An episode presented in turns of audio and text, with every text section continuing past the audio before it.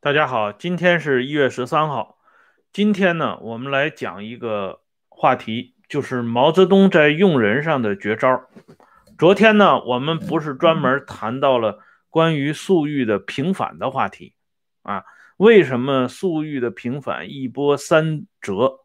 包括啊，跟粟裕命运相仿的刘伯承。那么今天呢，我们就来看一下。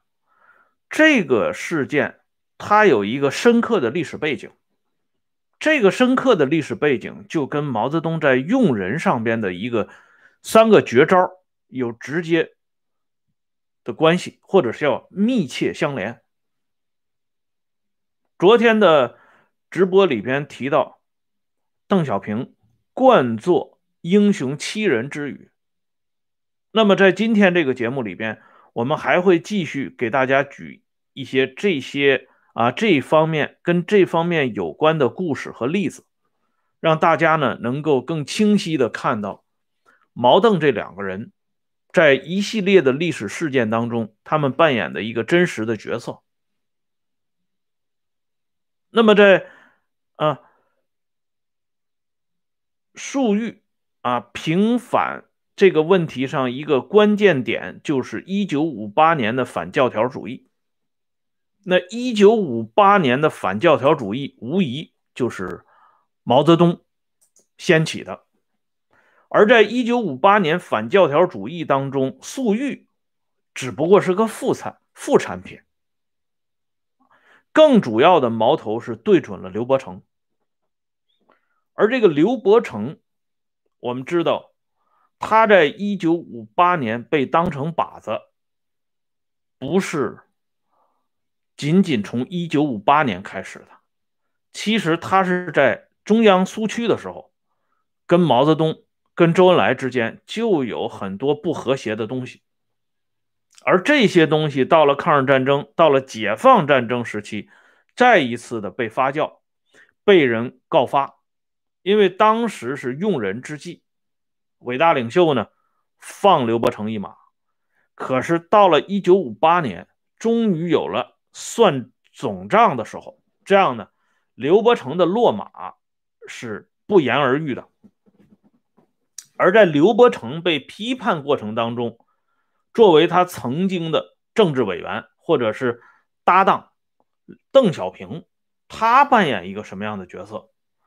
我们都知道，邓小平文选里边。有这么一篇重要的文章，就叫《道伯承》，写于一九八六年十月二十一号。这篇文章开篇充满了深情啊！伯承久病，终于不治。我和他长期共事，相知甚深。他的辞世使我至为悲痛啊！这么一个开头，让大家再一次把历史上的刘邓摆到了一起。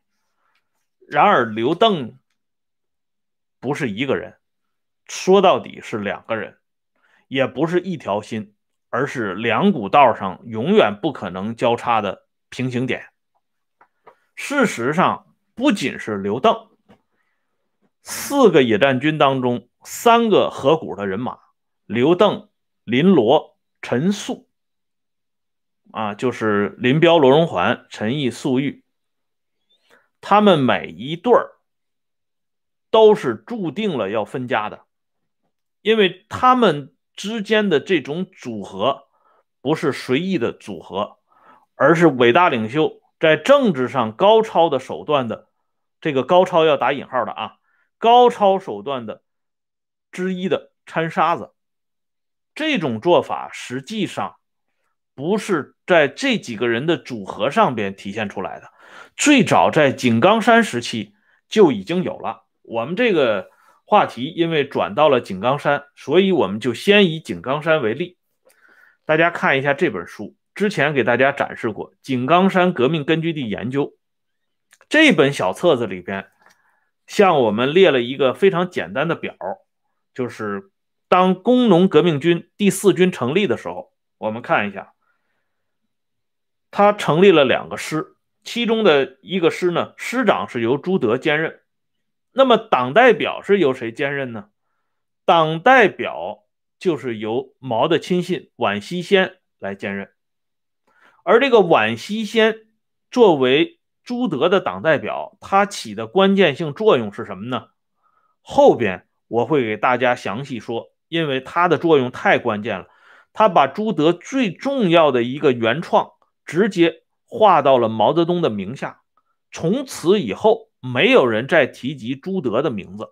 就像那个著名的南泥湾开荒种地，其实是朱德最早提出来的。可是后来大生产运动的一切功劳都归功于伟大领袖，而宛希先在摘桃子这方面，他起的作用是非常突出的。啊，这是师党代表。那么主力的二十八团团长是王尔琢，是朱德非常信赖的一个将领，而党代表呢是毛的亲信何长工。关于何长工这个人，我们在节目里边。给大家介绍过几次了。那么再往下边看啊，二十九团团长胡少海是朱德方面的人，党代表就是毛泽东拉拢过来的一个重要人物，就是龚楚。我们再往下看啊，毛泽东所担任的第十一师。下边的三十一团团长是朱云清，党代表用的就是何挺颖；而三十二团团长是井冈山的土著袁文才，副团长是王佐，而党代表就是后来曾志的丈夫蔡协民，也是毛泽东的重要亲信。那么，唯一的一个军教导大队大队长是陈毅。那这个军教导大队有没有掺沙子呢？有，掺的是谁呢？特务营营长宋乔生。宋乔生有一个表外甥，就是后来大名鼎鼎的国防部部长耿彪。哎，所以从井冈山时代，这个掺沙子就已经注定成为毛的一个重要的用人方面的手段。这种手段可以讲是屡试不爽。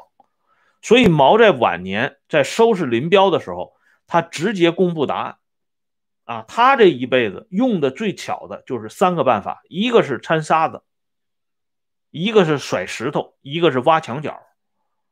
那么挖墙脚，我们留边留在后边，从毛泽东与林彪之间的渊源说起。今天主要来讲这掺沙子，这掺沙子掺的非常成功。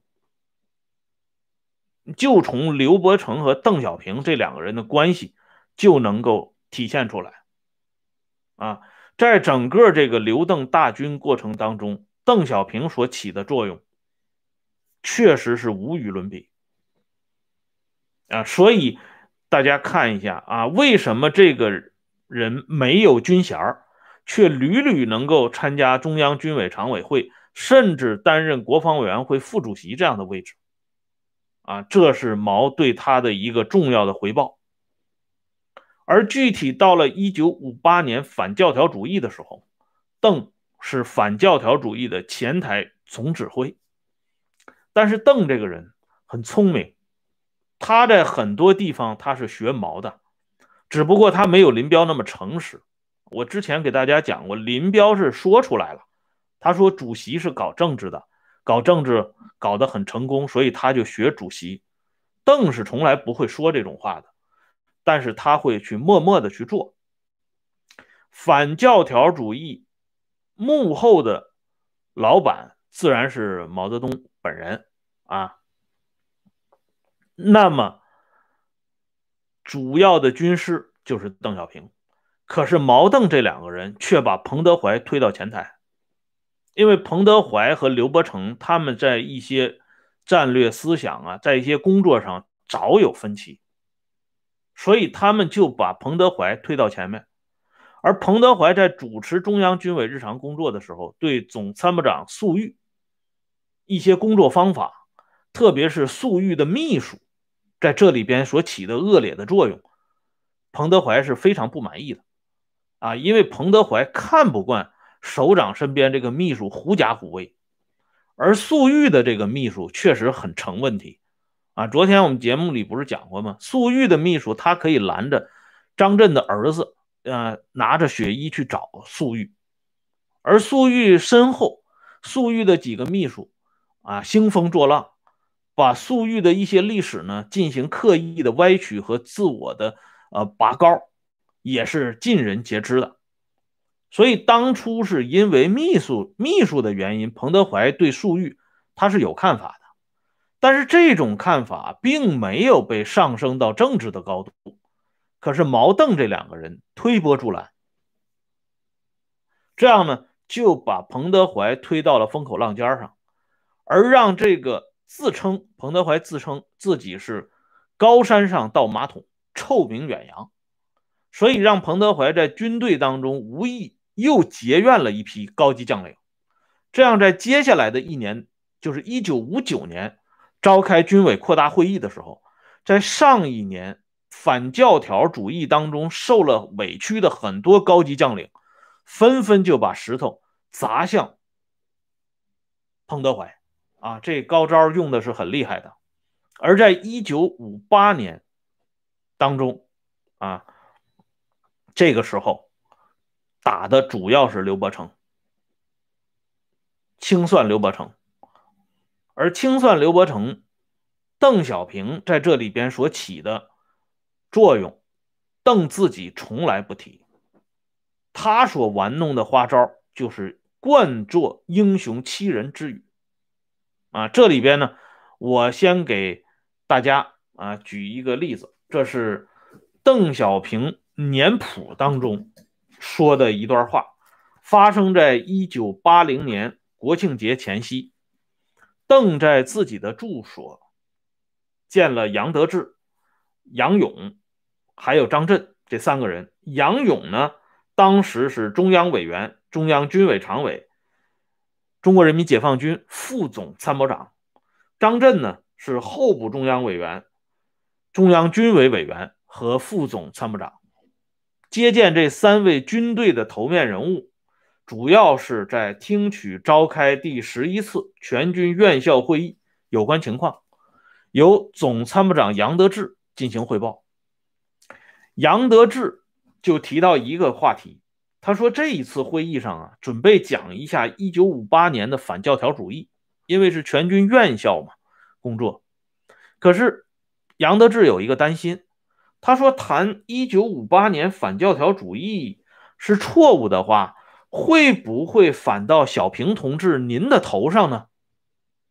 其实杨得志的这番话就已经向我们揭示了当年邓小平。在全军反教条主义当中扮演的最真实的角色，邓在这个时候的表示呢非常宽厚啊。邓小平说，可以讲反教条主义主要是整伯承的，最后还是我向主席提出来要保伯承的啊。当时有人说二野打仗主要靠你邓小平，我向主席讲，没有一个好的司令。我这个政委怎么能行呢？啊，你看看小平同志啊，很谦虚的啊，在这个邓小平年谱里边，我们又看到了这位总设计师这种啊度量大如海啊，意志啊坚如铁这种形象。而且还有一本一本书，就是曲折发发展的岁月，这个作者崇进啊，还是很有力度的一个党史研究。他呢，在这本书里边，《曲折发展岁月》谈到一九五八年反教条主义里，他向大家提供了一个别人的著作里边没有提到的重要的啊背景，就是在反教条主义的后期，组织上做了变动。毛泽东在看的最严重的时候，曾经有过要撤销刘伯承中共中央政治局委员的考虑。征询邓小平的意见，邓小平明确表示异议，为毛泽东所接受。刘伯承的政治局委员职务得以保留。这是崇进在书里写的原话，而这段史料其他的在反映一九五八年反教条主义的著作当中从来没有披露过，啊，只不过呢，崇进在谈到这段史料的时候，没有给出具体的出处，这说明呢，崇进拿到这个史料，他应该有他自己的来源。至于这个来源是什么，人家可能不方便告诉我们。那么对照这么两个啊，邓小平年谱和崇进的这个说法，以及邓小平文选当中道伯承，邓小平对刘伯承最后的盖棺论定有这么一段话：一九五八年批判伯承搞教条主义，那是不公正的，完全可以说伯承是我军现代化正规化建设的奠基人之一。啊，这样看起来呢？这个整个的证据链呢，似乎很完整了，啊，就是一九五八年反教条主义是伟大领袖主导的，而小平同志为了保住他的搭档刘伯刘伯承，可谓殚精竭虑，做了诸多的工作，以至于刘伯承的脑袋上的那个帽子，政治局委员终于给保住了。可是跟刘伯承。邓小平这刘邓大军关系很深的，原来的新华社的一位老领导叫李普，以及他的夫人沈荣，这两口子留下的一个重要的旁证，沈荣的这本《红色记忆》，却一下子拆穿了之前这个完整的证据链。沈荣的回忆是涉及到1986年刘伯承去世，当时她和丈夫李普。都参加了刘伯承的治丧委员会的悼词起草以及撰写刘伯承生平的工作，而悼词当中最棘手的一个问题就是关于毛批判刘伯承教条主义的问题。沈荣说，当时中央没有对这件事情正式批平反，但我们觉得批的不公。这件事情应该说清楚。刘伯承的老伴儿汪荣华不断的派他的女儿来要悼词的清样，当然呢是悄悄的来。可是直到这个时候，就是刘伯承这个人已经走了的这个时候，中央军委没有一纸文件给刘伯承对当初的反教条主义中的委屈一个公正的说法。而当时中央军委主席是谁？恰恰是刘伯承那个老搭档邓小平。所以沈荣这个时候他说了这么一个故事，这个故事呢也只有沈荣才能说出来，他是重要当事人。他说悼词的起草小组的组长钱底谦是一个很聪明能干的人。聪明能干表现在什么方面呢？就是在刘伯承的悼词上加了一句话，就是邓小平说过，当年反军事教条主义是错误的，这也是中央的意见，加了这么一句话。因为邓呢确实说过这个话。刚才我不是给大家引了邓小平年谱的那个他同杨得志等人的谈话吗？当时一九八零年国庆节前夕。邓就说过这个话，所以用邓的这句话放在刘伯承的悼词里，全当给刘伯承平反了。这么一个战功显赫的元帅，历史上受到这么大的委屈，作为刘伯承的重要搭档刘啊邓小平，号称是在历史上保过刘伯承的这个人，在刘伯承的有生之年，从八零年到八六年啊。这中间是五年多的时间，完全可以来平反这刘伯承的反教条主义，当然也顺带着可以给粟裕平反。可是这个中央军委的主要领导人愣是没有做这个事儿。他最后做这个事儿是在刘伯承去世以后写的这么一篇单薄的文章里边提了这么一句。所以日后刘伯承的家属对这件事情耿耿于怀，啊，前些年专门有人写过这方面的文章，征引了刘伯承的女儿，啊，具体的一个谈话，大家可以上网去搜一下。他们之间这种豪门之间的恩怨，我们不关注，我们关注的是邓小平在执行毛泽东掺沙子这个策略当中，他这种不遗余力的努力，因此获得毛的青睐啊。而在学习毛掺沙子这方面的呃工作呢，邓也是不遗余力的与之效仿。啊，他在部队、在军队方面的安排，同样是有这样的考量。所以这样看起来，啊，不论是保留帅啊，还是反全军教条主义是错误的等等的这些话，也都是邓用来遮人耳目的啊，并非历史的真相。那么今天我们简单的给大家说了一下掺沙子的这个。手法，明天呢，我们要着重给大家介绍一个挖墙脚。毛泽东在挖墙脚这方面，他也有一个非常厉害的手段。这个手段具体就体现在毛泽东与林彪在从一九二八年到一九七一年分手啊，这长达四四十多年的这种政治交往上的。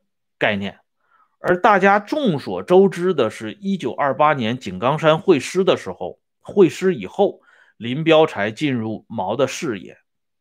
其实不是，毛与林的渊源要推得更早一些啊。当然了，这些话题都留待明天接着说。感谢朋友们上来收看，下面呢，我把温相说时政会员频道的链接给大家发一下。感兴趣的朋友呢，欢迎加入啊！刚才已经又有一位朋友加入，很好啊，谢谢你。